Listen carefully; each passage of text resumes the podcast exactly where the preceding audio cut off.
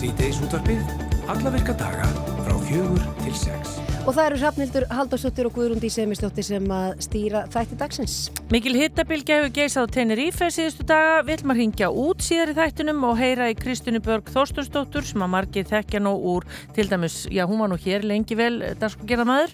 Hún var hjá umfrastofu og núna vil hún kalla sig bara Tenerife fara. Já. Ringi mjög náttúr. Það er ekki leðilegu starftíðir samt. Uh, blóðug átök geisa á milli Ísraelshers og Hamasliða en hvers vegna er staðan orðin svona fyrir botni miðjarahafs? Uh, við ætlum að fá til okkar Þórir Jónsson Hraundal, sérfræðing í málum mið Östurlanda á eftirs. Einmitt það. Um 2,3 miljónum manna búa á gasasvæðinu og þaraf eru um helmingu börn og eftir að ræða um stöðu barna þar sem átök geisa og hún kemur yngan um Kristín Hjámtisdóttir sem er frangatustöru Rauðakrossins. Gíja Holgisdóttir verða með okkur frá Akureyri og að þessu sinni þá ætlar hún að forvætast um píludeild Þós en starfsemi deildarinnar hefur vaksið mikið á undanfjörnu og er nú fjölmennast aðaldafélag innan íslenska pílukast sambandsins og Gíja leit við hjá píludeild Þós og spjallaði þar við formannin Davíð Örn Oddsson. Já, það er eins og hann heitir Örn Davíð Örn Oddsson. Já, já. Svo við rugglast nú ekki. Já, við megum ekki rugglast, Ma, maður rugglast undir maður mitt á þessu. Já, en svo er það á morgun þá er það blásið til Hálendisháttíðar íðin og það á að heiðra Hálendi Íslands með ræðum, söng og hljóðfæraslætti Auður Önnu Magnúsdóttir, hún er nýst í en nú stólið í frangatastjóra landvendar Hún ætlar að koma til okkur eftir, segja okkur háttíðinu og þeim hættum sem að stæði að ósnortinni náttúru Íslands. Mm -hmm. Það ætti valla að fara fram með neinum að Bjarni Benditsson saði af sér sem fjármála og efnahagsráð vegna álitsumbósmanns um vanhæfi hans við sölun á Íslandsbanka. Óttita ríkistjónaflokkana ætla að funda núna setnipartin og við heyrðum að það er búin á tali af Katrínu Jakobsdóttur og það verður fluttar fréttir, frekari fréttir af því hérna á eftir. En hver er staða ríkistjórnarinnar í ljósi þessara tíðinda? Veikir þetta eða styrkir sjálfstæðisflokkin sem hefur verið að mælast með dalandi fylgi í skoðanakornum og hver verður pólitísk framtíð Bjarnar Ben? Við ætlum að spá í spilin með Andrisi Jónsson, almannatengli næstu myndunar. Velkomin. Takk fyrir. Já, þetta er já, stór dagur í íslenski pólitík. Já, allavega manni líður aðeins þannig en uh, samt svona eftir því sem að Riki hefur aðeins verið að setjast að þá er ég kannski ekki vissum að þetta sé jafn svona stór pólitísk tíðindi og manni fannst upp af við. Vissulega svona byrja þetta þannig, þetta byrja með dramatíst fölumil að flytja fréttir af því að þeim hafi tilgjöndum blagamann fund bjarna uh, ekki tilgjöndum efni fundarins Svo, uh, hérna, og það er einhver þrejmu kortur maður en fundurinn hefst uh, hérna, sem að fjölmjölar fá þessa bóðun en svo kemur ljósa efni er sem þetta álit umbósma sem Bjarni var ekki að fá í hendur í morgun heldur á laugadaginn þannig að hann velur sér rauninni, stillir sér þetta upp eins og sé að bregðast hlutum í rauntíma við fréttum í rauninni ekki af þessari neðustu umbósmanns fyrir frá honum. Og hann strax rauninni, tekur stjórn á að, þeirri atbyrra og svo gera það mjög vel þannig að e, og segir allir réttu hlutina og hérna e, segist þeirra brugðið og, og hérna, hérna e, og vilja axla ábyrð og svo, svo framvegis og, og hefur þau áhrif að eiginlega allir stjórnmálamenn þjóðarinnar og, álitskjafar og stjórnmálafæðarprofessor e, hérna keppast við að hrósunum fyrir rétta ákvörðun og ákvörðun sem að styrki líðræði og svo framvegis, hann var með fallega línu um það, telti mikið að standa vörðum líðræðslega stopnarnir eh, landsins sem að þetta hittir margi hérta stað á þessum síðustu vestu tímum varandi liðræði en ég svona þegar ég svona aðeins suma út þá veldi fyrir mér sko er þetta pólitísk afsögn? Er þetta, er þetta stólaskipti frekar en afsögn? E, þú veist, hann, því hann er ekki að fara Bjarni er ekki að fara, hann er líklega að fara að færa sig. Já Hvað, hvað, hvað, akkur segir það? Já, sko, svona þessum hefðbunni afsagnarfræðum og, og Rúf tók nú saman hérna einhverjar fyrri afsagnir, Hannubirnu, Sigrir Ástöldur, Andesen, Björgus, Guðna Sigurssonar, Guðmundar Átna, Albers Guðmundssonar, eh, hérna, ímstar afsagnir sem hafa verið ráð þeirra. En þær hafa allar verið þess eðlis að fólk hefur mist stöðu sína. Fólk hefur ekki verið með örlög sín lengur í sínum höndum. Það er raunin að axla ábyrð. En Bjarni hefur öll spil ennþá sinni hendi. Hann er rauninni ekki að setja sig í, í dóm einhvers annars. Hann meiri sig að er búið að koma fram í viðtal við Sigur Inga á MBL held ég að verið í dag að Sigur Ingi er sökinn svona af þessu. Þannig að Bjarni til þessi rauninni geta tekið svona ákvörðunum það að skipta út í fjármálræðandinu og tilkynna það bara fyrst þannig að, að einn af þremur ottutum fréttaði fjölmjölum á sama tíma og við. Já, er það ekki svolítið sérstætt? Þeir ætla að funda núna setnipartin, óttutar þessara ríkistjórnaflokka, menna, verður það ekki svolítið skrítið fundur? Ég myndi allan að spyrja mig, Sigur Ingi verið að vera svona frekar, hérna, uh, daffarsprúður uh, maður og svona, en, en ég myndi spyrja mig ef ég væri eitthvað svona þröngum þryggjamanna hópi og svona stóra ákvörðin hefði verið tekið með vitund tveggja uh, hinna en ekki mín. Svo má líka bara, sko, þú veist, einmitt segja, ég minna uh, Bjarni er eins og hann verist ekkit í rauninni tellið sér þurfa uh, hérna, tilstyrk þeirra til þess að hann er rauninni bara að færa sig og strax er verið að leiða líkum að því að hann muni færa sig yfir í auðarriksraðandi og það hefur rauninni verið aðbröða sem hann hefur nú látið glitta í alveg frá upphafi kjörtíðanbilsins og, og staðfest síðar. Þannig að þessi ákvörnum umbósmas hafi rauninni skapa honum ákveðin tækifæri, hann hefur haft núna þrjá fjóru daga til þess að plana og maður sér að svimi samherjar hans Ellið Vigninsson og Brynja Nílsson og fleiri hafi verið að tjásum það að þetta sérunni hann hafi snúið þessu upp í sóknartækifæri við sjálfstæðarflokkin. Þannig er þetta pólitísk afsögn og stór pólitísk frétt og eins og hefur hefur svolítið verið línan fyrr í dag eða er þetta einfallega bara mata pólitísku stöðu þar sem að Bjarni stilli sér allar stilla sér í öðru ráðandi og ég, það sem ég held að styðji við það er þessi Íslandsbókasala. Ég held að þetta snúist um arfleið Bjarnar og sjálfstæðarflóðs í þessari ríkistjórn að geta klára þessi Íslandsbankasölu. Mm -hmm. Margi sögðu þegar þessi hæsta sekt sögunar FME kom, frá FME kom hérna núni í, í vor að e, það myndi þýða að, að e, það veri pólitíst erfitt að klára og fara í frekar engavæðing á böngum í tíð þessar ríkistjónar. Það er erfitt fyrir vinsti græna og þau myndi alltaf ekki reyna það. Anna kemur svona ljós núna í byrjun hösts að þá er lagt fram fjálagafrömmarp og, og það kemur fram hjá, hjá Katrínu og Bjarni að það sé ennþá stendaði að klára sölu á Íslandsbanka. Og ég held að þegar Bjarni horfir á sinn feril og hafindi verið núna í ríkistjórn í feldamörg ár og þessari ríkistjórn með þessum teimu flokkum í sex ár og verður vantilega átt ár þá væri það ekki einfallega ásattalegt fyrir sjálfstæðarflokkin að fara gegn tvö kjörtíðanbill uh, og ekki ná að klára sölu á allavega einum af teimur ríkisböngum. Það er bara, ríkisafskipti eru svo mikil eitur í beinum sjálfstæðismanna að það, ef, ef flokknum tekist það ekki þá hvaða annað pólitist erindi hefðan í þessar ríkistjótt sem auðvitað þeir hafa sjálfur sagt sjálfstæðismenn og sjálfstæðisfólk að þeim finnist erindi þessar ríkistjótt að vera harla lítið. Þannig að það er kannski annað sóknafæri sem hann er að grýpa núna að hann hefur leiðið undir gaggrinni og ríkistjóttin hefur undir leiðið mikið gaggrinni sérstaklega úr hópi sjálfstæðismanna fyrir að vera gera lítið og, og með þessu þá sé hann að koma þessu máli í höfn og mögulega, hann er einhverju færðin að tala um það að koma krók á Svandísi Sáastóttur sem á, von, á líka áliti um það hvort að hennar ákvörun í kvalviði málinu hafi verið rétt. Um, og, og rauninni þannig að snúa þessari erfiðu stöðu í tækifæri og það er oft sagt í grísufræðanum að að það er oft í stórum krísum fylgst stór tækifæri. Mm. Katrín sagði áðan hérna fyrir fréttir að hún virði þessa ákvörðun og uh, henni finnst þessi ákvörðun góð.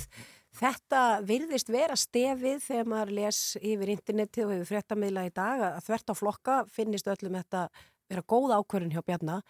Heldur þetta styrki stöðu sjálfstæðisflokksins eða veikir þetta hana eða hvernig myndur þau meta það? Sko það er náttúrulega tilgangurum með uh, afsögn er hefilegt að endurheimta tröst þegar fólk er að stíga til hlýðar og þarna hefur ljóst að það hefði þetta komið ákveð tröstfall þegar þessi ákverðin umbásmanns hefði verið gerð omber og þar hann lendiði með því að taka frumkvæð þá næra hann að endurheimta tröst og raunin einhver liti styrkja stöðu sína eins og segjum við hérna, maður er alltaf heilt annað en uh, jákveðinni út í þessa ákverðin uh, sama tíma og stjórnarnarstæðin hefði þetta geta rifjað upp uh, hérna, hvað þetta mál allt sem hefur erfitt. Þannig að ég myndi segja að, að styrkjan hann nær svona frumkvæði málunni sem er alltaf mjög mikilvægt og meiri segja hvernig hann stillir þessu öllu upp. Hann í rauninu má segja að þetta hefði geta verið sko eitt blagamannafundur en verða svona tveir eða þrýr af því að hann segir í lóksins blagamannafundar uh, í morgun ég ætla ekki að segja ykkur núna í hvað ráðandi verð, það verður annur, ég mun taka þess aðkvörðin einu og einu einu, Já. þannig að hann segir, heyrðu, ég er með boltan, e, þið fáu bara upplýsingar frá mér, hvernig þetta verður. Og, og hérna, þannig að hann styrki sína stöðu bæði til skams, eða sérstaklega til skams tíma að hann er með alla þræði aðbröðsuna sínum höndum, þannig að þess vegna finnst mér þetta að tala um pólitíska ábyrð dálítið hjákallegt að því að hver rumvulega eru afleðingarnar ef þú ert segir af þér fyrir hátti og er komin í annar ráþrætti embati eftir hátti og engin annar kemur á málinu í rauninni uh, nema þú sjálfur. Hvað ertu þá að axla? Þú ert í rauninni bara að skipta þú ert bara spilandi þjálfari að skipta þér í aðra stöðu á vellinum og færa eitthvað til leikmenn. Já, en ef hann hefði sagt ég er bara hættur í pólitík, ég er búin að alltaf segja mér sem formaður flokksins og allt þetta, þá hefði það væri þá að Það væri þá miklu svona í meiri anda þessar svona pólitísku afsagna, þú veist það sem þú ert eitthvað neina að taka ábyrð. En þar mér ekki að segja að, að ég held að, að hann, þetta hefði verið vel gert hjá honum, þetta er vel framkvæmt uh, þetta er rétt að því leiti að það hefði verið, ef við spilum þetta út eins og þetta hefði gerst ef hann hefði ekki tilkynnt um afsökk sína þá hefði verið kallað eftir henni mjög stíft strax núna þessari viku og hann hefði enda með þurfa að segja af sér og verið þá rekin í það og hefði þá verið veik, staði veikar eftir. Núna er hann með uh, palm, svona örlögn sín í einn höndum og, og það hefði verið nánast ómögulegt held ég þróttur að það hefði komist í gegnum þess að segt alltaf samt að selja Íslandsbóka en þegar það er búið að kveða upp um það að það hefði verið ólött fyrir hann að gera það. Já. En er þetta ekki nær þeim stjórnmálum sem við viljum í raun hafa og er í löndunum sem við byrjum okkur sama við að ráðherrar þeir segja af sér eins og í þessu ráðunetti í þessu tilfelli uh, og hann þannig axlar ábyrð og er þá einhver að segja að hann geti ekki verið frábær í utarækisráðunum til þátt fyrir það? Jújú, jú, það má kannski segja það og þetta er kannski nær því þessi afsögn er þá kannski nær því sem að uh, afsagnir er í sum nágrannlöndunum okkar það sem að yfirleitt reynda fólk að setja í kæli einhvern ákveðin tíma áður að kemur inn í hana embati þannig að það nærði ekki alveg að vera eins og, eins og það er í Breitlandi eða á Norrlöndunum uh, að þú getur einhvern veginn endun í að þitt pólitiska líf með að segja að þér, ég minna Hannabirna tókst það ekki, Sigri uh -huh. Ástildi Andersen ekki, Björgun ekki ekki, allavega ekki til þessum ennþá uh -huh. Eh, þannig að jú, það má segja að þetta sé heilbritt því liti en ég held allavega að, að, að hann sé að fórn einhverju svakalögu það, pólitist, það bara sé ég ekki. En örstuðt í lokin, uh, Andris að því að nú hefur fylgi samfylgninginar í skoðanakonunum verið á miklu flugi og sjálfstæði, fylgi sjálfstæðarflokknins hefur verið að mælast svona lægra en, en gengur að gerist heldur að það, þetta ég geri samfylgninguna ennþá spenntari það sé fagnaði í, í, í herbúðum eða er þetta einhverju einhver leiti verið að slá vopnin úr höndunum og þeim og, og, og sjálfstæðarflokkurinn fari aftur á flug? Það fer, fer aðeins eftir því hvað gerist næst en ég held að samfélkingin fagniði sjálfur sér ekki ef þetta myndi leiða til þess að það eru kostningar fyrr vegna þess að samfélkingin og held ég flesti stjórnarnastöflokkar þeir vilja kostninga bara vilja bara keira heila kostningabartu og, og, og vilja ekki til dæmis sem maður sá aðeins nefnt að það getur orðið einhver önnu ríkistjótt mynduð án kostninga uh Mhm. -huh. miðflokkurinn og flokkur fólksins myndu koma inn fyrir Vafki ég held bara Bjarni og, Katrin séu fara þeir séu fara að klára þetta saman og hvort er að séu fara að nýta þetta til þess að íta hinnu út eða eitthvað slíkt. Já og Sigur Ringi, þú gleymir honum. Já, Sigur Ingi er það ráfram, ég gleymi honum eins og Bjarni gleymd honum gærilega, það var ekki Katrínu. En hérna, en já, að að, að það sem gæti eins og gerst, ef þetta flýtir fyrir artaka áallum Bjarna um Þórtis eða Áslögu uh, sem að maður gerir af fyrir og það verði kona formaður sjálfstæðarflóksins í næstu kostningum að þá held ég það sé ekki góða frétti fyrir samfélkinguna sem er með ferskasta konuna í Íslands stjórnmálum í dag í, í farabrætti, það er því þá ekki jafn skýri valkostir og, og hérna, þannig að þetta sé ekkit endilega, já, ekkit endilega góða frétti fyrir stjórnarnarstöðuna eins og þetta hefur spilast hinga til alltaf. Næ, en það er svona bara rétt í lokin, svona almanna teng, tengla, svona eh, hérna, hvernig þú horfur á það, þá er þetta vel gert. Já, ég minna, þetta var óafinnilega gert í framkvæmdini og hérna, allt sem hann sagði, hvernig hann stilti upp, hvernig hann hannaði aðbröða svona og enda sína, sína viðbröðin það en, en ég held, þetta er smá reiksprengja. Andrés Jónsson, Almanatengil, takk fyrir að koma í síðdeirstuð.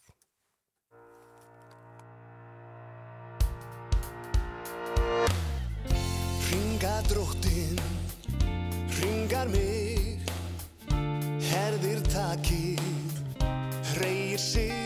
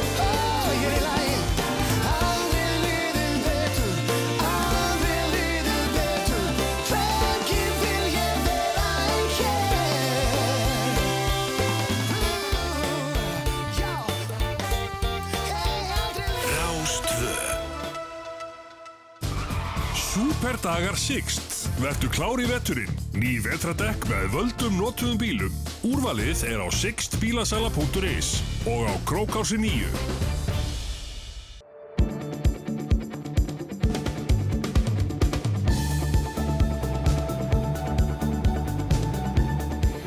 Blóðu átök geisa á milli Ísraelshers og Hamas liða en eh, hvers vegna er staðan orðin svona fyrir botni miðarhafs? Hann er komin ykkar til okkar, hann Þórir Jónsson Raundal, sérfræðingur í málefnum mið Östurlanda. Velkomin. Takk fyrir. Já, segð þú okkur uh, þessi staða sem að þarna er komin upp, hún á sér náttúrulega langan aðdraðanda. Já. Ef þú getur kannski aðeins farið yfir það með okkur. Já, uh, eins og flesti vita þá uh, var til gríðalig samúð með málsta gýðinga eftir setni heimstyrjöld uh, en ef við fyrir aðeins lengra aftur tíman en það þá, þá eru komnar upp alls konar hugmyndur um að, um að gýðingar eignist sitt eigi ríki, jáfnvel á 19. öld og út af ásóknum hér og þar, ekki síst í Austur-Európu þar sem þeir byggu í, í stórum hópum Þannig að þessi hugmynd um ríkigýðinga er orðið mjög gömul. Svo gerist það svona í byrjun 20. aldar að þeir eh, svona herða á því að byðla til eh, alþjóðarsamfélagisins, til breyta meðal annars, þar sem að nokkru áhrifamengli gýðingar voru eh, í stjórn og, og, og það verður upp úr þessu ákveðin svona eh, vilja yfirsing um það að gýðingar fái, fái sitt eða í ríki og það voru reyndar aðrir uh, valkostir sem að komu upp á borðið til dæmis eins og Uganda eða, eða fleiri staðir, maður getur velt fyrir sér hvernig, hvernig staðan væri ef, ef það hefði orðið ofana, en sem sé það varð úr uh, að uh, það varð almennur vilji uh, til þess að geyðingar eignuðust land á þessu svæði, í landinu Helga á þessu svæði þar sem að Palestína er og var fyrir. Um, nú svo gerist það svona fyrri helming 20. aldar að, að geðingar eru farin að flytja þangað og kannski kaupa upp jarðir eða eitthvað svo leiðis en það er svona frekar hæg þróun uh, en svo auðvitað tekur þessi þróun stökk eftir fyrir heimstýrjöld sem endar, að, endar með því að, að, að uh, þetta land sem við kallum Ísrael fæðist uh, árið 1948 Og síðan þá þeir fá hversu stóran partalandin og svo hafa þeir alltaf verið að taka stærra og stærra land? Jú, einmitt. Uh, eins og það voru nokkrar tillögur að uh, nákvæmlega hvaða land uh, þeir myndu fá en það er til með þekkt kort sem einheldur fjórar myndir af þessu svæði sem sagt annars vegar þá fyrir 48, svo 48 og svo stríðin 67 og 73 og svo aftur núna á nýjönda áratögnum á núna sem að, sem að sínir mjög svart og hvítu hvernig Ísrael hefur kroppað land af palestinumönnum ólöglega smátt og smátt í gegn tíðina. Mm -hmm. Og ef þú fer aðeins yfir sögu Hamas með okkur, að því við heyrum Hamas-liðar og uh, þeir eru sem sagt að takast á við Ísraels herr og, og öfugt, hvernig komast þeir til valda? Jú, Hamas er, uh, nú hafði sem sagt þetta sem við kallum bræðarlega muslima sem er kannski aðalega verið tengt í Egiptaland hafði líka áhrif í, í, á þessum, þessum slóðum. Þeir svolítið skilja sér frá því og þeir stopna, þeir stopna sín samtök eiginlega svona upp úr þessar sem við kalla fyrsta indifadan sem er svona uppreist hálgerð gagvart ofríki Ísraels manna uh, og það er 87, 1987 þannig að Hamas hefur verið uh, mjög ábyrrandi reyfing og afhlatna á þessum, þessum slóðum allar göttu síðan. Og þetta eru þeir stjórnmálafl? Já, þeir eru bæði, þeir eru stjórnmálaafl með uh, um, þar sem kallir svona armed wing, þar að sé að vopnaður vangur uh, að þeirra reyfingu um, er einmitt það sem við erum að horfa upp á þessa dagana. Já. En þegar við bara útskýrið fyrir okkur sko palestyrmenn búa á þessu svæði, gasasvæði, mm. en þetta er svona, þetta er líku við bara svona eins og risastort fangelsi. Já, það er einmitt líkingi sem ofta gripið til þetta, og, og það er um, jáfnvel meira en líking, það er eiginlega bara raumurleikin vegna þess að um, um, vegna þess að aðstæður þar eru þannig og það hefur verið herta á þessu síðust ára tíu, það er afgirt svæði í fyrsta lagi fólk hefur ekki ferðarfrelsi út eða einn þar sé arabar um, Ísraelar stjórna í einu og öllu hvað fer inn og hvað fer út af þessu svæðu. Þá erum við að tala um rafmagn og vatn og vistir. Já, sem þeir eru búin að slökka á öllu núna. Já, já, sem þeir hafa slökta núna. Þeir hafa stjórnaði áður og ég heyrði uh, áhverð viðtal við, við, við mætan uh, sagfræðing af gýðingaættum Norman Finkelstein sem að uh, var að tala um það í gærað í rauninni ekki, þetta, þetta er, er jafnvel ennþá útreknaðar en maður getur gett sér grein fyrir að, að, að Ísraels stjórn, og nú vil ég eiginlega gera greinum á Ísraels stjórn og, Ís, og Ísraelum af því að það er fullt af Ísraelum sem að uh, stiðja málstað palestínum en uh, Finkelstein vildi meina það að ekki, ekki einungi stjórnaði Ísraels stjórn hvað fyrir inn og hvað fyrir út heldur hafa þeir raunni nánast reiknað út uh, hversu margar kalóriur hver íbúi gasasvæðið síns á að fá svo hann haldist rétt yfir sviltamörgum. Já. Þannig að það er fólk lifið þarna ekki alls nektum. Nei, enga veginn. Þetta er hræðilegt það sem úrst að lýsa. En taland um Netanyahu, uh, hann er síðan þá uh, fórsætsaftra Ísraels. Hvernig, af því ég, maður hefur síðan heilt ímsufleikt fram á internetinu og lesið um í miðlum og, og annars leikt. Hvernig, hann er þarna og það er verið að tala um að þetta sé ekki tilviljun mögulega þessi tímasetning að þetta sé að gerast akkurat núna. Getur, veistu eitthvað um það? Um, nei, þá komið upp einmitt nokkrar uh, hugmyndir, Kenning, kenningar, kenningar í sambandið það. Um, eitt sem að uh, hefur verið bent á er að það eru 50 ár síðan uh, svo kallar Jóm Kippur stríð var 1973. Það getur verið einhvers konar tímasetning en ég Um, já, ég, það er erfitt að lesa í það og, og hvað, hvað Netanyahu er að, er að hugsa en svo hefur þetta komið upp þessi kenning að Ísraelsmenn hafi vitað af þessu af þessari árás að hún var í vændum að þeirra leinithjónusta Mossad hefði, hefði vitað það. Og þá kom upp auðvitað alls konar aðra kenningar er að hvers vegna leiði þeir þess að gerast ef þeir vissu af því og svo framvegis Og þá kom upp kenningar eins og það að það sé gert til þess að þeir hafi ástæðu til þess að Jú. bomba gasa. Jú, það er emitt og, og við, við vitum kannski ekki núna hvernig akkurat þessi mál standa en við vitum, það sem við vitum er að, er að leinithjónusta Ísrael, Mossad, eh, hefur aðgangað full, fullkomnasta eftirlitsbúnaði og njósnabúnaði sem völ er á eh, og það er eh, í raun ótrúlegt að, að svona flókin aðgerð hafi algjörlega farið fram hjá þeim. Hmm. En hvernig tengist, að því maður heyrir Íran líka uh, í umræðinu, hvernig tengist Íran inn í þetta mál? Jú, Íran, eins og þið heyrðuð hjá honum Kjartani Orra sem var að vitali hérna í morgun, uh, Íran hefur samúð með um, málstað Hamas, þar að segja, þeir eiga samílan óvinn í Ísrael og um, Íran hefur stutt uh, Hamas í gegnum tíðina með vopnum og, og fjármagni og slíku en en allavega við veitum ekki núna hvort að þeir hafi átt eitthvað þátt í að skipulegja akkurat þessa aðgerð, það er ekki ljóst. Íran hins verð ekki eina uh, landið eða, eða batterið sem styrkir Hamas, það eru fjölmörg lönd, fjölmörgir uh, fjörsterkir aðilar út um allan persaflóa og víða í Arapaheiminu sem að, og jafnvel í bandaríkjum líka sem hafa styrt Hamas í gegnum tíðina. Já, með fjármagni þá helst. Já, en svona fréttaflutningurinn sem við fáum núna, ég menna maður hugsa sko Uh, þetta er einhverju leiti mjög ójáft uh, hérna, er, er þetta, ætlum að sé að fá réttar fréttir, svona bara af atbyrðarásinni Já, hvað þá með, með hvernig þetta já, er að... Já, bara maður ímynda svo sko að hérna innviðnir kannski inn á gasa hjá palestinumennum kannski gefa ekki kannski, já, góð merkjum það að maður fái réttar fréttir eða hvað, ég veit ekki hvernig maður á að tólka það.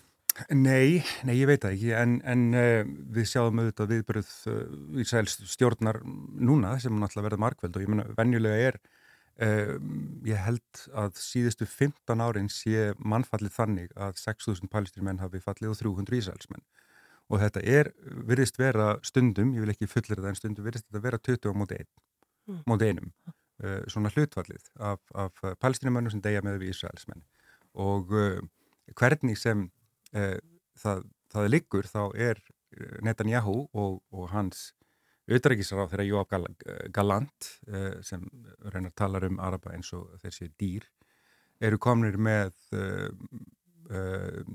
já, hvað maður að segja, stærsta tækifæri sitt núna til þess að fara í, í mjög umfóksmenglar að, aðgerir. Já, þú ert nú búin að fylgjast með málum miðausturlanda í lengri tíma og maður heyrir það líka og lesum það að, að innan á Gaza séu Hamasliðar búinir að ala upp börn sem að þóli ekki Ísraelsmenn og það, það, er, það er allar upplýsingar á internetinu núna um, um eitt og annað og, og þetta eru tvær já, í rauninni stríðandi fylkingar og er einhver leið að leysa þetta? Ég veit að mm. þú ert kannski ekki með svör við því en, Nei, ég, en hvernig, ekki með svör við því en, en, en uh, hvernig getur þetta farið? Já, uh, uh, það að, að leysa þetta vandamál hefur verið reynd í ára tíu, það hefur verið umræður og stundum hefur gengið vel, það voru Madríður umræðurnar og svo voru Oslo samningarnir og það þokaðist í rétta átt en svo gerist alltaf eitthvað sem, að, sem, að, kemur, sem lætur koma bakslag Um, þannig að uh, nei, það, það sem ég hef enga svo sem lausna því en það sem ég hef tekið eftir er í gegnum tíðina og, og svona eftir því sem ég hef fylst með þessu segjum kannski því síðustu 2-3 ára tíu eitthvað svo leiðis þá finnst mér uh, fleiri uh, átta sig á því að Ísraels stjórn er í ólöglegum aðgerðum eins og til dæmis það að taka um, vatn og rafmagna Já, já, og bara með sínu herrnámi og ekki bara herrnámi heldur er þetta kallað uh, innlimun, þetta er ólögleg innlimun, herrnámi er eitthvað, eitthvað tímabundið ástand uh, já, innlimun, þetta er bara un illegal annexation kallað á ennsku og það er ólöglegt, alls því það samfélag og ég sá Magni og Marinós tala mjög skipt um þetta í gerðkvöldi og, og, og, og það eru bara alls því það lög sem, sem er mjög skýr með þetta. Og mér finnst fólk almennt vera átt að sjá því og minnst mun fleiri eftir því sem ég skinja um, uh, sína málstað palestinumanna skilning og standa með þeim mm. uh, sem er í rauninni inn í rétti málstaður vegna þess að hitti er ólulegt sangvært alþjóðlegum. Já. En það er kannski erfitt í svona bara hræðilegu stríði eða hvað maður að kalla þetta einhvern veginn að standa með öðrum eða hinnum minna Já, þessi morð og glæpir er alltaf morð og glæpir og, og, og hryllingur, það, það er ekki það, en, en Eh, eins og við séum núna þá eru þetta stjórnvöldum allan, allan henni vestrann heim mjög snöggt að fordæma þessa árás að sjálfsögðu. En akkur er fordæmaðu ekki eh, aðgerir Ísraelsmanna á hverjum degi í gegnum árin og áratugina? Þetta er spurning sem vandar oft hjá fjölumjölamönnum finnst mér. Og uh, ég hef vel eins og í kastlösi í gerð, akkur er ekki spurt býtu, akkur, akkur er ekki að fordæma uh, á skýrari hátt framgöngu Ísraelsmanna sem við vitum að eru ólögleg samkvæmt alþjóðlegum, alþjóðlegum sem við erum aðilar að akkur, akkur, akkur komið þessari eh, nú hefur við viðkynnt Palestínu eitt af tveimur ríkjum í heiminum á samt Svíþjóð akkur, akkur gerir ekki meiri því að, að, að gaggrína framgöngu Ísraelsmanna og þann líkamlega og sál, sálræna hernað sem er stund á degi hverjum gegn uh, palestínumennum. Þetta er svo sannlega spurning sem það er að spyrja. Þórir Jónsson Raundal, sérfræðingur í málöfnum við Östurlanda, takk fyrir að koma til okkar í síta írtmið. Takk fyrir mig.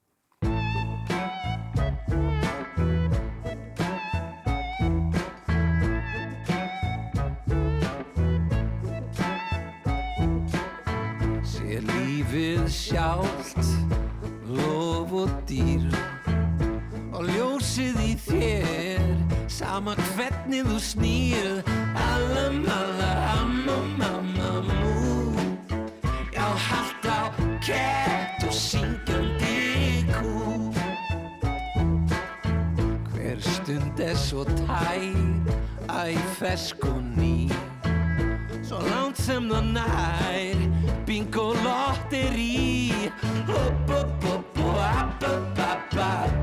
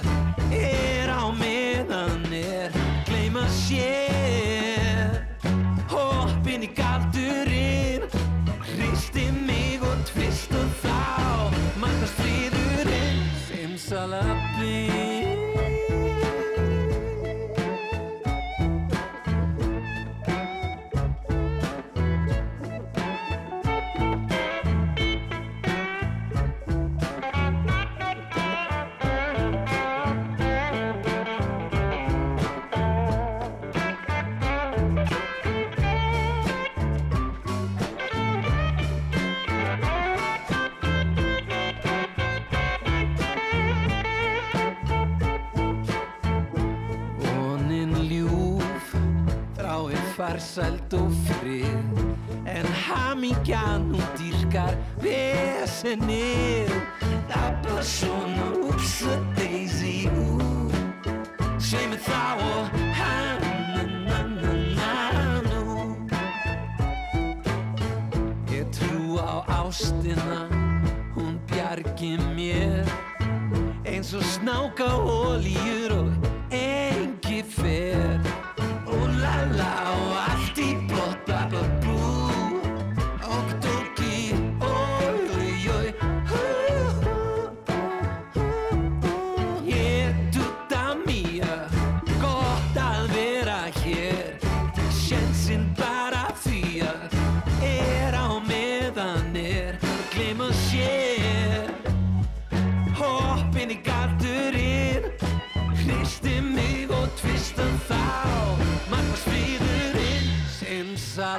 Simsalabim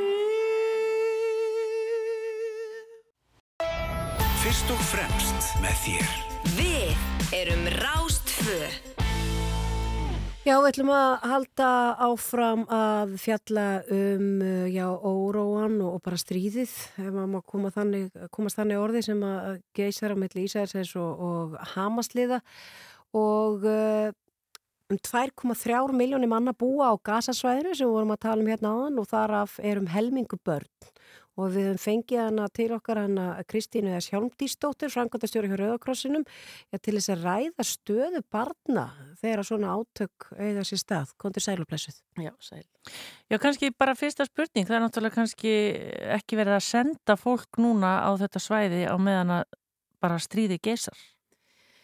Já, það er nú, það er nú verið að Rauðkrossin og Rauði Hálmónin sem er, er, er starfundum heimallan uh, er, er með fólk auðvitað á staðnum. Það er Rauði Hálmónin í, í Palestínu og, og, og Davistjarnan í Ísrael. Þannig að Rauðkrossin, svo við nútum bara Rauðkrossin eða hvort tvekja, uh, er á staðnum fyrir átök meðan aðeim stendur og svo eftir í uppbyggingafasanum. Þannig að það er fólk á staðnum. En uh, í dag er að berast áköll frá báðum landsfélónum semst í Palestínu og Ísrael uh, ásamt alþjóðaraður Rauðakrossins ákallum bæði að fá fólk á staðin, helbriðsfólk og, og, og síðan fjármunu auðvitað. Já, og er það einhvað sem er gerlegt? Man ímynda sér einhvern veginn að senda fólk inn í svona púðu tunnu? Já, það er náttúrulega, uh, já, það er, það er gerlegt en það er auðvitað farið að var varlega og það er ekki farið kannski, það er, raunin er að þannig að Rauðakrossin er í sambandi við báða aðila bá, sagt, og, og, og til að komast inn á svæði til að sagt, fjarlæga lík eða hlúa fólki að þá er, er veitt leifi frá báðum aðilum. Þannig virkar það. Þannig að, þannig að það er ekki, Rauðukursin tekur ekki afstöðu til, til uh, máluna, heldur það er bara raunni mannúður aðstóð. Þannig að þegar maður hefur verið, ég hef verið á svona svæðum í Suðu Sútan og þá er bara gefið leifi af báðu, það þarf að tala við báða, semst Palestínu og, og Ísrael. Mm -hmm. En hvernig fer svona aðstóð fram, eins og þú segir, að að, og, og hvernig, ja, hvernig líður ykkur þegar maður sér að það séu um helmingur uh, íbúa á gasa séu börn og það er verið að, já, í rauninni varpa sprengjum á börn? Já, við þekkjum gasasvæði nokkuð vel, Rauðkrossuna Íslandi. Við höfum verið í verkefnum uh, á Vestubakkanum í Rammala og líka á gasasvæðinu í mörg ár. Það var verkefni sem lög í hvað síðasta ári og var unnið með, með góðumstuðningi mannvinna Rauðakrossins og Utreikisrænsins. Um, þar voru við með að þjálfa, þjálfa sjálfbóðilega rauða, uh, hérna, palestinska rauða halmannans í uh, sálrannu stuðningi fyrir börn og ungling, unglinga. Því að fólk hérna, börn ber ekki ábyrg og þau hafa bara ekki sama skilning og, og, og, og get ekki metið aðstæður eins og fullari fólk. En hérna, þau þurfa líka að geta spurt og það þarf að, að, að þjálfa fólki að, að hlusta og, og, og veita þeim stuðning. Og verkefni sem við unnum aðeins mörg ár var að þjálfa upp sjálfbóðilega og starfsfólk Rauða Halmárans og síðan að þjálfa þjálfara. Þannig að, að gera verkefni sjálfbært að því að við fórum út, úr verkefnu og þá komin hópur fólk sem hefur, hefur er, er er vel þjálfað í að styðja fólk í, í, í, með sálrannar stuðningu sem lenda og upplifa svona áföll og eru vittni að þessum, þessum árásum sem hafa verið mörg ár náttúrulega Já, einmitt. Og svo er eitt, uh, Kristín, að þegar auðvitað áherslan er öll á uh, þetta stríð núna, ja. að það eru stríð víðar, mm -hmm. það er mhm. náttúrulega auðvitað stríð í Ukrænu, millu Ukrænu og Rúslands, mm -hmm. það eru auðvitað hörmungar í Afganistan, járskjáltar að vera að leita fylgta fólki. Uh, áherslan og svo náttúrulega eru við með inn, innanlandspolitíkina hérna í dag, mm -hmm. eru við, þú veist, þetta er hérna það, það eru enþá verkefni auðvitað á öllum þessum stöðum í gangi. Já, það eru verkefni á öllum þessum stöðum og, og, og eins og nú, nú, þegar ég kem frá Rauðakrossinum að þá að þá getur sagt það líka það eru, ég veit ekki held að sé um 170 átök í heiminum þar af 80 eru innanlands átök ég minnst ættbólkastrið eða, eða innanlands átök og, um, og það er ekkit láta á verkefnum reynd en auðvitað sjónir almennings og fjölmjöla fara frá einu verkefni í annað og, og, og það er kannski eðlert að úthaldi sé ekki mikið.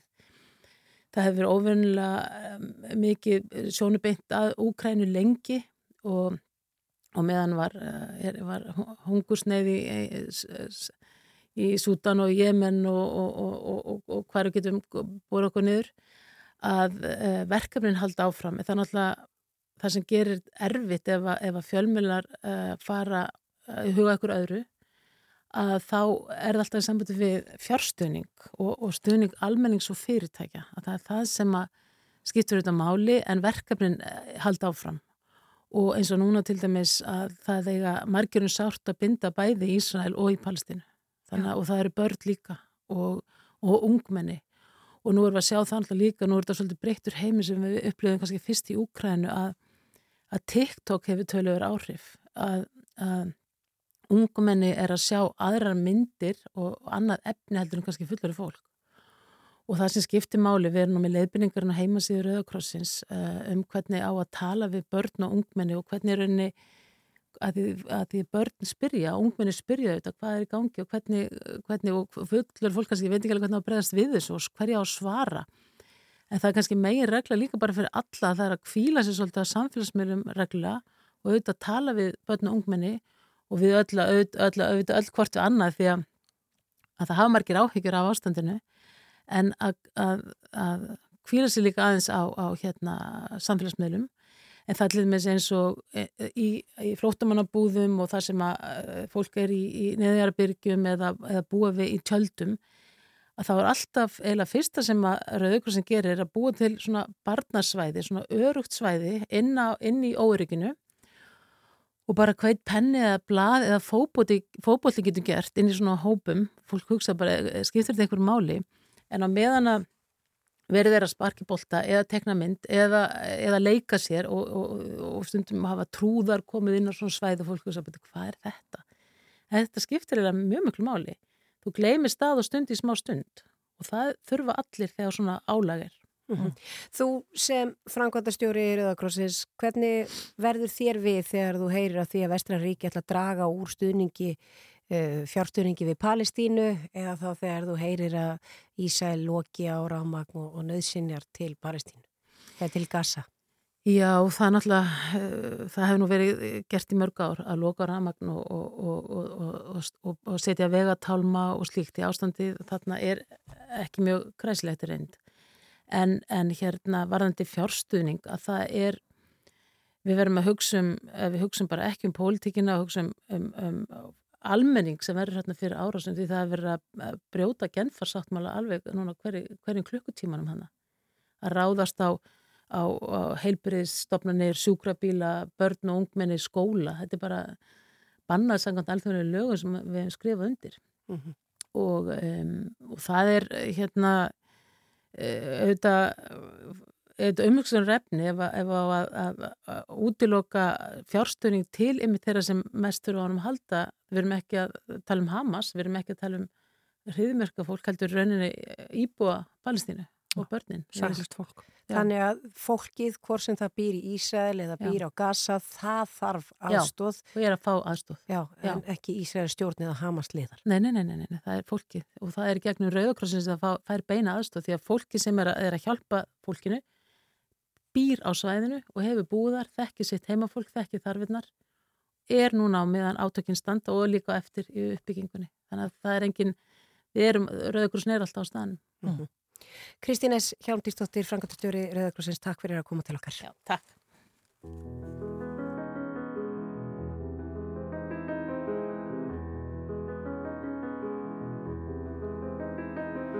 Should I figure that you'd go back till you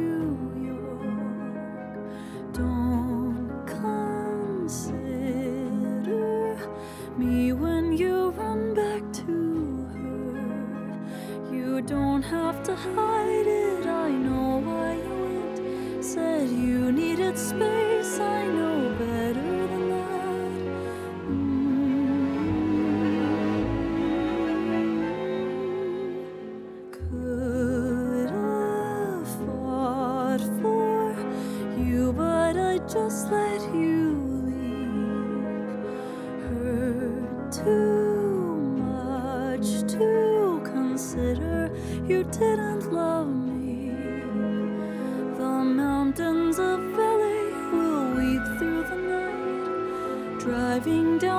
it's a terrible sight.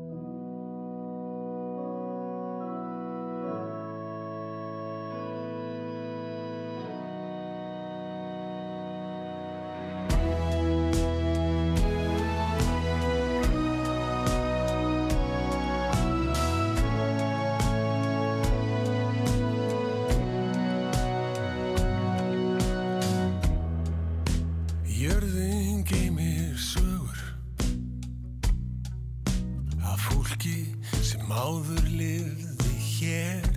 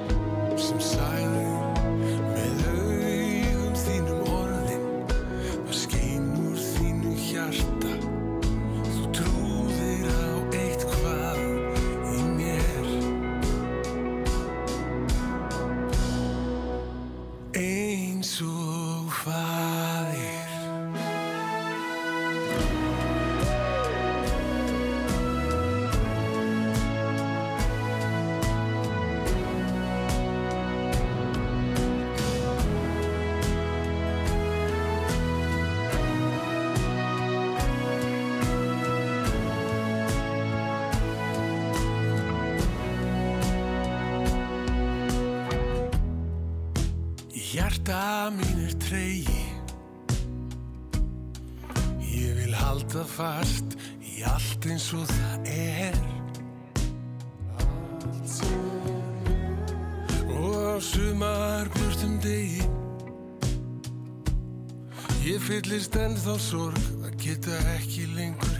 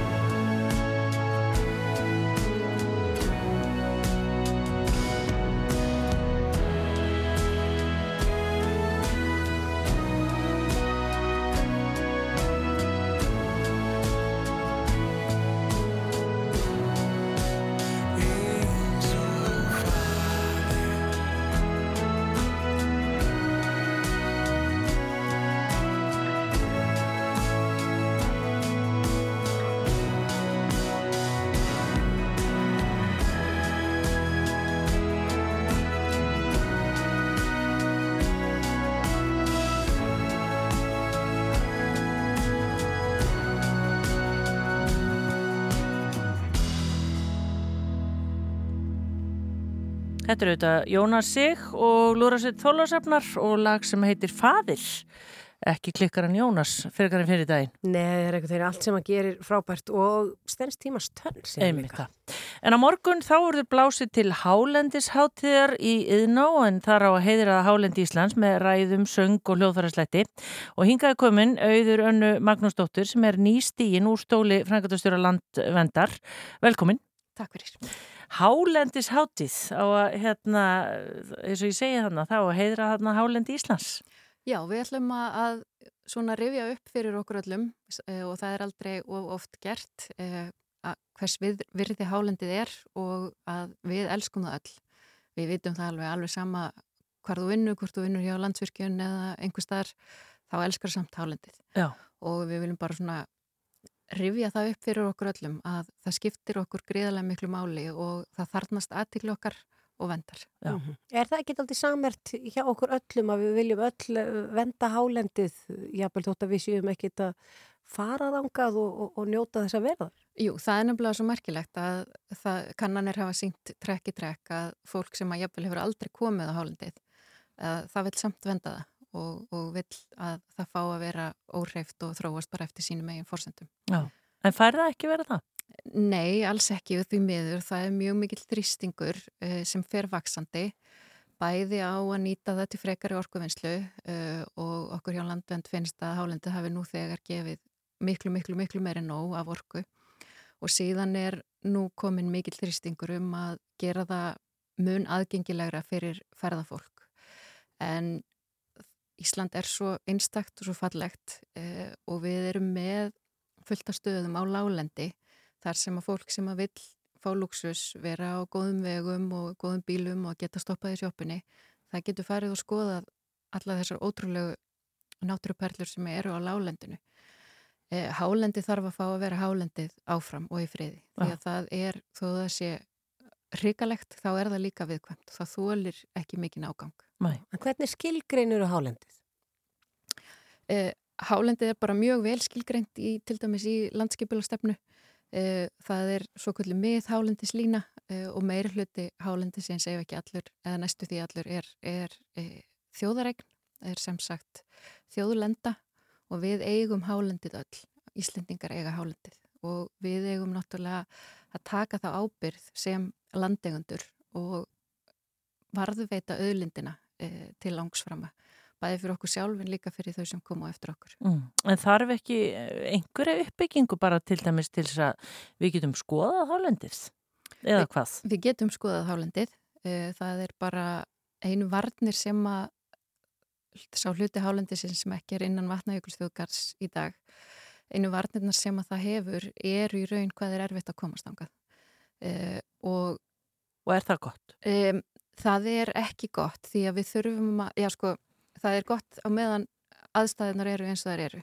En við þurfum náttúrulega að hafa skipulagða vend, við þurfum að hafa einhvern sem ber ábyrð á því að passa upp á hálendið og að það fá þróast eftir sínum eigin fórsendum eh, en á meðan það er ekki þá verður við í raun að halda eh, hálendinu mjög óaðgengilegu því að það er enginn sem að passar til dæmis eins og þegar að Þíski 14 tonna trukkurinn fór þannig upp á og enginn vissi á því að hann væri búin að eðalegja svona mikið fyrir hann byrti sjálfur myndir af því. Mm -hmm. e, það er enginn sem að byrja ábyrð á því að passa að svona hlutir gerist ekki. Þannig að þið væruð ekki hrifin að því ef að það erði til dæmis bara malbyggað yfir kjöl? Nei, alls, alls, alls ekki. Til þess að stýtta leiðina norður? Já, nei, við myndum eh, ekki vilja það. Eh, að auk þess yrði svoleiðis vegur uh, hann gæti ekki verið ofin meirinn svona 6 mánuði á ári. Það er mjög erfitt að, mjög erfið veður þannig mjög erfitt að fara þannig yfir. Þannig að nei, við myndum alls ekki vilja það því að um, hálendið verður að fá að vera í friði, fá að vera uh, en ef að það á að malbygga þannig yfir sem að ég vil alls ekki að þá verður við að vera með þjóðgarð sem að passar að umferðinni sé stýrt, hún sé mjög lítill og að þeir sem að koma uh, eftir vegunum að þeir séu ekki að skemma náttúruna eða menningaminir. Þú ert að stíga úr stóli sem, sem frangatustjóri landvendar uh, á þessum, hvað ert, búin að vera sex ár? Já, tepp. Hvað er svona, svona helstu áskorunar á þessum tíma uh, hjá þér eða hjá landvend? Hver er það við? Það hefur verið til dæmis að venda hálendið en að reyna að koma sérstaklega valdhöfum í skilning um mikilvægi þess að Ísland taki þátt í aðgerðum í loslasmálum og þær séu sannfærandi og raunverulegar. Um, það hefur kannski ekki gengið alveg nógu vel. Uh, við hefum verið með uh, svona stöðuga, ég veit ekki, gaggrín eða leifinningar um hvað okkur finnst að Íslensk stjórnveld eigi að gera. Einar lausnir sem Íslensk stjórnveld hafa komið með hinga til eru bara að auka rávorkuframlegslu án þess að tryggja að það fari í það sem að mun draga úr losum gróður og lofttegunda og það er ekkert sjálfsagt að það muni gerast mm -hmm. nema þú sért með lögureglur sem að segja uh, öll umframorkað, öll orka sem að fellur til eða kemur nýjen, hún verður að fara í orkuskipti. Svo finnst okkur líka og svona stóra áskorun hefur verið að, að fá valdhafa og líka almenning til að skilja hvernig raforkuframleysla á Íslandi er háttað. Að, til dæmis gerir sig grein fyrir því að 77% raforkunar fer til stórnótenda og af því er langstæstu hluti að fara til álverana. Þannig að það að við skoðum hvernig eru við að nýta orkuna alltaf þegar að kemur skortur þá þarf maður bæða skoða, get ég sótt meira einhver staðar en líka hvernig er ég að nota það sem að ég er með, alveg sama hvort það er orka eða peningur eða hvað það er. Mm. Og er það skinsamlegt hjá okkur að vera að selja svona mikið af okkar einn rávorku til til dæmis þessara stórnóttinetta í bitcoin og eða álframlegslu. Mm -hmm. Þannig að þið myndum fyrir ekki að þá frekar vilja að við myndum, já, almenningum myndi frekar geta nota þessu orku og í staðis að virka meira að, að þá, uh, já, sé bara kannski dreyið úr orku til stórnóttinetta. Okkur finnst það hefð minnsta verða að vera umræða sem að þarf að eiga sér stað uh, og að þetta séu spurningar sem að má spyrja. Það að hlutinir séu eins og þeir eru, eru ekki heilægir og við þurfum að geta breytt uh, slæmum ákverðunum sem voru teknar í fortíðinni. Sérstaklega þegar við erum að horfa á svona reysastóran vanda eins og hrunvískerfa og uh, loslasvandan. Þessi háttíð á morgun þetta eru svona styrtar tónleikar þar sem að ákvæðunum verði varið í baróttu fyrir hálfindi Íslands en hverju koma hana fram? Já, það er hlaðborð af frábærum tónlistamannum, það er GTRN, uh, Kári, Lón sem er Valdimar og Óskar Guðjónsson og fleiri, þetta er nýljónsett hjá þeim, Uh, og svo ætla Celebs að slúta þessu í svakapartíi uh, og Já. kynnir verður Willi Neto Mætt. Og það er bara, maður, maður kaupir miða hvar á Tix eða? bara á tix.is Já, og það er einungis þrí- 300 miðar í bóði. það eru bara 300 miðar þannig að flýti ykkur að kaupa miða Já. Íðin og er ekki stærð en þetta. Nei. Þannig að þetta er svo leiðis. Og svo verður það eh, hérna ljósmyndir eftir Chris Buckard, eða ekki? það verður ljósmyndir eftir Chris Buckard Já. svakalega fallegar uh, og svo verður við með tvær ræður svona, til að blása okkur svona baratuanda á Já. ástahálendinu Og hverju verður það? Það er eh, Benedikt Traustason sem er formaður landvarðafélagsins eh, og svo verða saman með ræðu Ósk Viljámsdóttir og Ásta Arnardóttir, eh, listakonur og jókakennarar og með meiru leiðsögumenn. Já. Er þú sjálf auður uh, hérna búin því hvað ætlar að taka fyrir hendur næst? Það verður væntalega eitthvað í tengslum við hálendið eða náttúru Íslands? Nei, það er ekki alveg víst sko, en ég mun áfram starfa með landvend bara sem óbryttu félagi Já. eh, og svo finn ég mér eitthvað rosa sniðugt að gera. Já, einmitt það. Þetta er semst að morgun í yðnó klukkan sjö, auður önnu Magnúsdóttir fyrir áfærandi formaður landvendar. Takk kærlega fyrir komuna og góða skemmtun á morgun. Takk, framkvæmtastjóri. Takk. Fyrir ekki því á framkvæmtastjóri. alla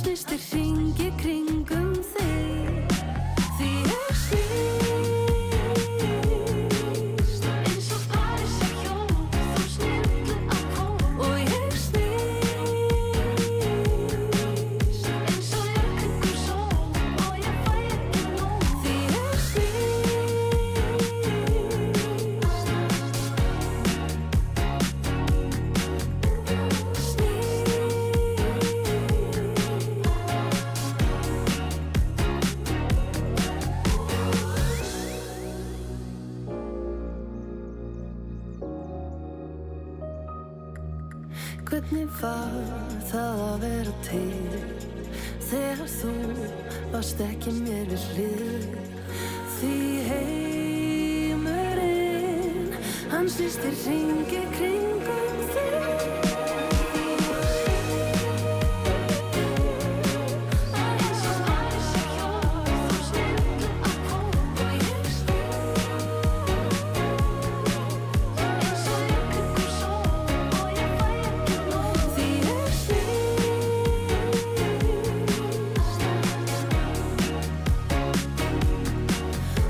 GTRN, eina þeim sem að kemur fram á þessari hálendisháttíð á morgun í Yðná. Já, og uh, rafnildi þeirra haustlæðirnar, Já. þær fara svona hrannast upp núna. Já, það er búið að vera, ég sá Norræna er í Vari við Seðisfjörð og það eru fjallvegi fólk á að fara að valega núna. Það eru hérna snjóaði fyrir norðan og, og fjallvegum eitthvað starf. Já, fólk er að fresta för á milli landsluta núna, kannski þar til á morgun og þá hugsa maður væri nú ekki gott að vera á Tenerife, bara með e, ískallt sótavatn í klassi og hafa það hugulegt. En Og eina bók í hinni. eina bók í hinni sjálfsögðu. En þá sáum við mitt fréttur um það að það væri svakaleg hitabilgja á tenni og einhver staf að vitnað í einhvern íslenskan ferðalang að þetta væri bara eins og að lappa á vekk en ferðalangurinn okkar sem er í símanu núna heitir eh, Kristín Björg Þorstensdóttir og hún vil bara láta kalla sig Tenerife ferðalang hvað segir þú Kristín? Er, er þetta of, eh, orðum of aukið? Já, ég tek nú alveg undir það, sko, ég held að það er, það er, það er núna til dæmis 29 stiga hiti og það verður ekki farin eitt hærra í dag og þetta sína mæli og einhverju apoteki sem sýnir 40 og 4 gráður gefur alls ekki rétta mynd. Það sem kannski fólk á ekki von og ég er nú búin að koma hérna nokkuð oft, reyndar aldrei verið í oktober áður, það er svolítið rakara heldur en verið hefur og þá er það kannski þessi tilfinning sem fólk fær að því finnst að vera að ganga á vegg. En þessi raki er sko ekki neitt, ekki neitt á það sem hann til dæmis var á meginlandi, Spánar og í Fraklandi og í Evrópu í sumar. Það er yfirlt ekki raki hér á Teneríf því að það náttúrulega blæs svo dásamlega frá Allandsafinu og það blæs ennþá þetta er bara mjög þægilegt, ég var hérna upp á svölum, upp á þakki hótelsins þar sem ég er dvelst, þar er sundlaugin þetta, ég menn ég var þar í allan dag og talandi um að það var eitthvað of heitt, neini, það blés og var dásamlegt bara.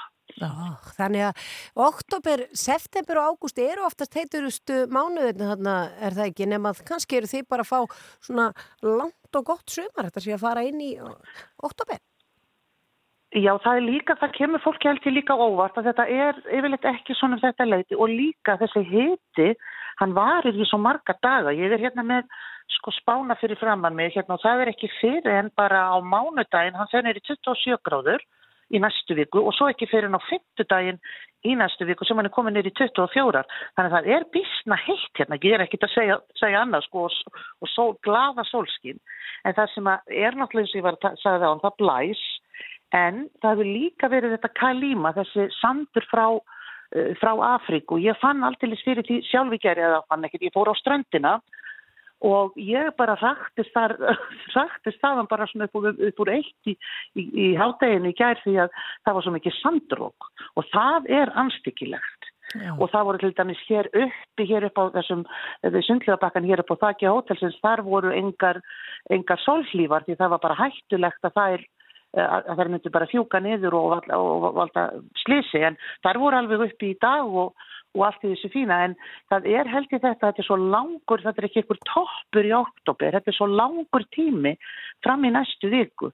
En það er engin ástæða sko, það fer ekkit upp fyrir 30 og að nóttunni reyndar, það er aldrei kallt hérna, það, það er alveg 24 5-6 þegar hýtt á nóttunni og, og ég var að skoða veðurspána núna fyrir morgundaginn og þá náttúrulega kaldast rétt í sólarupplófs og þá er hann 23 gráður en svo strax skoðan bara í 27-8 þegar sólinn kemur upp. Þannig að það er bísna heitt en dásamlegi andvarinn hérna og, og það væsir ekki um hann. Ég er engin ástæð fyrir fólk að óttast eitthvað rosalegan hita held ég sko. Nei, en hvað er þetta nú með Tenerife af því þú ert búin að koma að það nokkuð oft og bara e, elskar að vera að það. Hva, hvað er svona dásanlegt?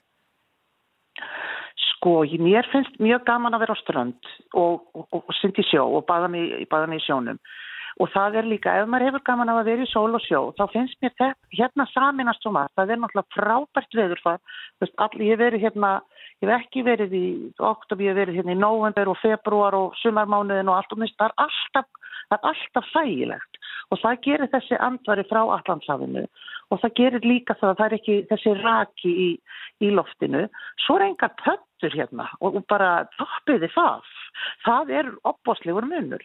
Og þess vegna er svo gott, þetta er, þetta er, svolítið, þetta er bara jafn hiti þó hann sé svolítið hár núna, þá er þessi andvari dásamlegur, það er þetta ég baða mig sjónum allan á sem sving hérna, það er best svona á haustin þegar hann er búin að fá þessi svolítið sumarhitta en ég fer alveg í sjóun í februar hérna Já. og það er ekkit margir staðir sem kannski bjóða akkurat upp á þetta og, og svo náttúrulega finnst Íslandingum það að hér í flói bara beina, beinustu leiði niður í einhverja fjóra-fimm tíma og, og það, þetta er svona og hér er náttúrulega bara allt til alls, fólk getur valið hérna úr sko alls konar hótelum, bara hvað hendar hvort sem þú vilt svona sem ég kalla rennibrautahótel það sem er fullt af bönnum og alls konar leiktæki eða hvort að fólk vera, vil vera á svona fullorðinshótelum með allt innifalið. Við erum til dæmis núna hérna það sem er mér finnst skemmtilegast að vera hérna í Los Cristianos og þar til dæmis var, var þó blésið svona í gær þá var alltaf grætt fána, var alltaf að fara í sjóin en ég veit náttúrulega ekki hvernig það er með aðra strendur hér nálagt það sem er miklu meiri öldugangur, hér er engin öldugangur. En við erum til dæmis núna bara á svona gamaldags hóteli alveg neyri, alveg í Hjartarlós Kristjánus, þetta er hótel byggt held í 1950 og, og þetta hendar okkur núna, við erum oft leikt hérna líka íbúði, það líka hendar manni, en þetta er bara, það er, það það það það það það bara hvað sem að hver einhvern veginn vill. Og hér koma fjölskyldur og það hendar kannski einni fjölskyldun að vera það sem eru fyllt af börnum og rennibrautum og svo kannski af og ömmu að vera ekki alveg svona í þessu mesta stuði. Og þá er alltaf fjár, þetta er alltaf stutt hérna á milli, það er frábært strætókerfi hérna. Við tókum strætó til dæmis á flugvöllinu, það tók tíu myndur, kostaði eina efur og 40, hér er hægt að fara út um allar tissur, mjög gott app í gangi, þannig að er þetta, við- fórum var hérna, þá fórum við tókum við strætó upp til Santa Cruz og svo eru fallegir staðir hérna að skoða, ég er nú komin ákveðsum upp að teiti og, og svo er eh, Puerto de la Cruz sem er rosalega skemmtileg borg og, og háskóla, la, háskólabærin hérna La Laguna sem er að heimsminaskrá saminuðu þjóðuna.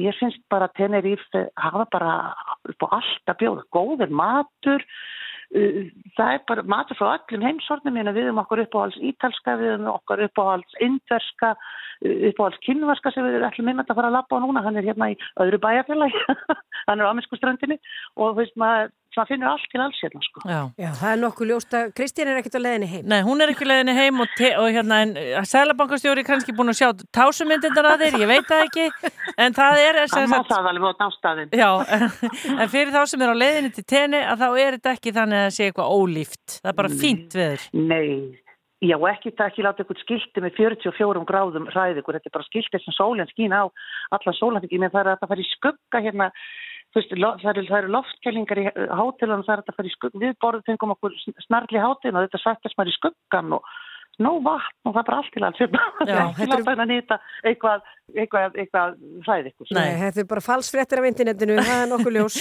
Takk Er það ekki, Jú. bara óreiðu fréttir. Já, takk fyrir spjalli Kristín Björg Þorstensdóttir, Tenerife ferðalangur, bara gangi ykkur vel og já, verða ykkur góði í kvöld og kýmverska stanum. Takk fyrir kærlega. Já, bless, bless. Bless. Já, hún var, hún mætti nú halda, hún væri bara með ferðarskristu, hún Kristín. Vistu, ég er hún alveg sjúk. Aha. Já, eftir rikninguna sem hér var í kær og svo vindi sem var í nótt og í morgun sem er þó ekki jafn snemtuð fyrir norðan og östur sem er snjókoma. En ég myndi alveg þykja það að sitja ykkur stöður og bera með sólar á börð og vera að fara á kynverskan í kvöld. Ah, ah.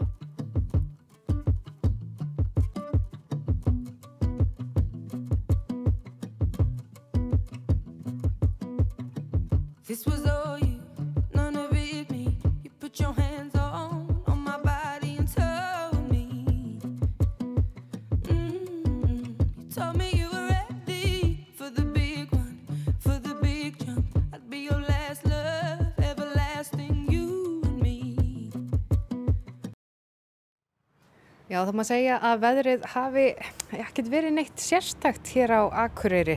Svona, já, í nótt og í morgun sérstaklega það hefur nú farið batnandi með deginum en, en það er ótrúlegt að horfa hérna yfir tríen út af því að það er búið að vera frekar skjólsælt hérna, já, síðustu daga en það er bara eins og öll tríen hafi bara allt í einu ákveðið að klæða svo í fötunum við þessu róki sem að hefur verið. Ég ætla nú ekki að eh, vera hérna úti í veðrinu lengi, ég er stend hérna í laugagötunni, ég stend hérna rétt hjá eh, sundlaug Akureyrar, hérna er líka brekkurskóli, grunnskólinn hérna eh, rétt við hliðin á mér og ég horfi hérna beint niður að, að Akureyrarkirkju. En ég er sem sagt fyrir framann hús, það sem er píludeild þós til húsa og þangað ætla ég að fara og kynna mér starfsemina. Góðan daginn. Sælublessu. Davíð. Já, passa. Eh, Það er hann Davíð Örn Oddsson sem að hérna tók á móti mér. Sælverstu Davíð. Sælublessu. Þú ert hérna, hvað, formaður? Já, það passar. Formaðar í hérna, Píldu Þórs hérna á Akureyri og það verið formaðar núna síðan í, í februari fyrra. Þannig að hérna, það hefur verið stígandi í þessu hjá okkur. Já. Þetta er glæsilegt rými sem þið eru með. Hvað eru þetta mörg píluspjöld sem eru hérna? Herru, við erum með 17 píluspjöldin upp í dag og hérna eins og sér kannski að komu ekkert fleiri spjöldum hérna á veggina, allan ekki enn sem komið er, hann er hérna, og erum með hérna sjö svona sjálfteljandi, skóljur heitir þetta, Já. og svona nýju hérna svona á, á gamla skólanum spjöld, þannig að þetta er fínasta aðstæðana hjá okkur. Og ástæðan fyrir því að ég legg nú leið mín að hinga til ykkar er að ég las það í svæðismiðlunum okkar hérna akureyri.net að píludeilt Þórs er eh, takk fyrir pent fjölmennasta aðeldafélag innan íslenska pílukast sambandsins. Þetta er nú ansi gott.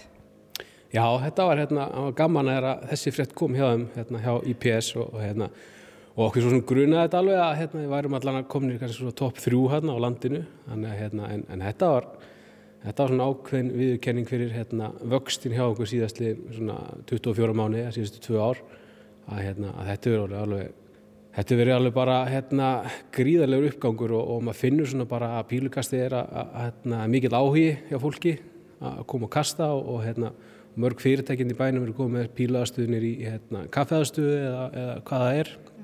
Og hérna hann er að, bara gaman að, fólk leggur leið sína til okkar og, og skráðu sér í, í, í deldina, það er bara frábært.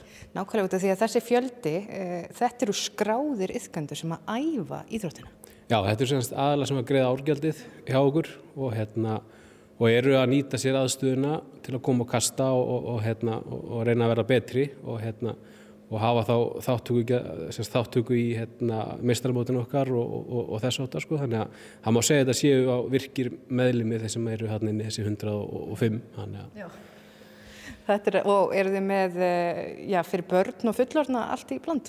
Já, við byrjum núna á, á hérna, svolítið búa svona óska eftir að verðum að, byrja með æfingu fyrir krakka og úlinga og, hérna, og byrjum að það núna í haust á, á þeim æfingum og, og hérna, það er bara gengið bara mjög vel svona, hérna, til að byrja með og þetta er alveg svona 10-15 krakkar úlingar sem er núna komni bara með fastar æfingar tvísar viku hérna hjá okkur á mándum og miðgutum frá kortir í 5-6 og hérna ég hef bara full að trúa því að það aftur að aukast núna á næstu missunum þegar þetta fer að fréttast almenna út. Já. Þið gætu stekka við ykkur eða hvað? Já, já, það er svo sem alveg, það er alveg borlengjandi að, hérna, að, þessi aðstæða, hún rúmar ekki alla meðlimennar í einu, þannig að, að það er alveg klárt mála að það væri leikandi lett að hérna, stækka þessa aðstöðu einhvern veginn eða að fá annað húsnæði en, en, við erum svo sem alveg sáttir hérna og það er ekkit hérna og erum bara ánægð með þessa flott aðstöð og ég held svona að þetta sé með um betri pílu aðstöðum á, á, á landinu, ég get alveg fullir það. Hvað er þetta við píluna? Maður sér þetta út um allt einhvern veginn, það eru uh, klúpar að spretta upp víða, ég veit að á Dalvík var nýlega held ég bara í sumar að, að opna uh, píluklúpur eða pílufélag. Hv- Hvað útskýrir þessa vinsældi pílunar?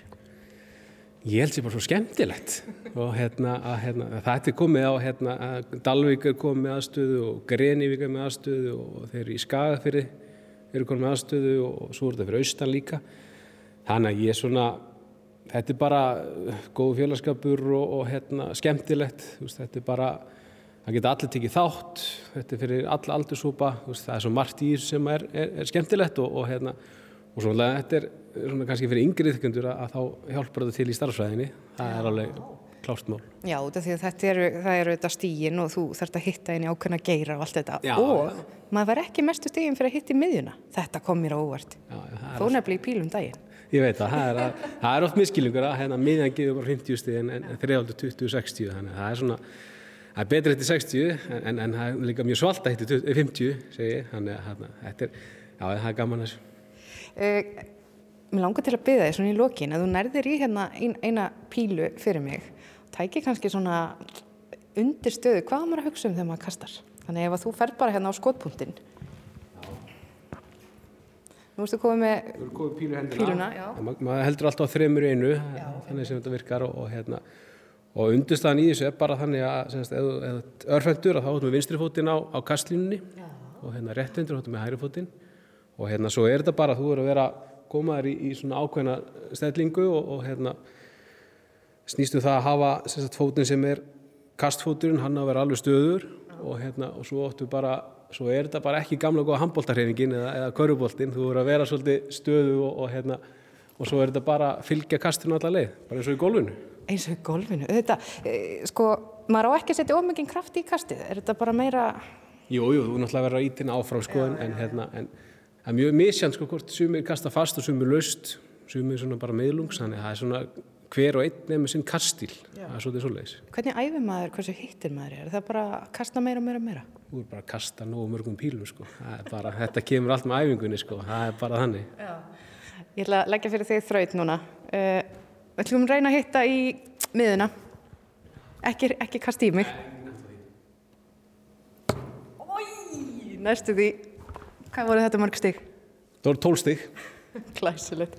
Takk fyrir að taka á móti mér hérna í píludeild Þórs. Davíð Örn Oddsson, formaður og gangi ykkur vel. Takk sömulegis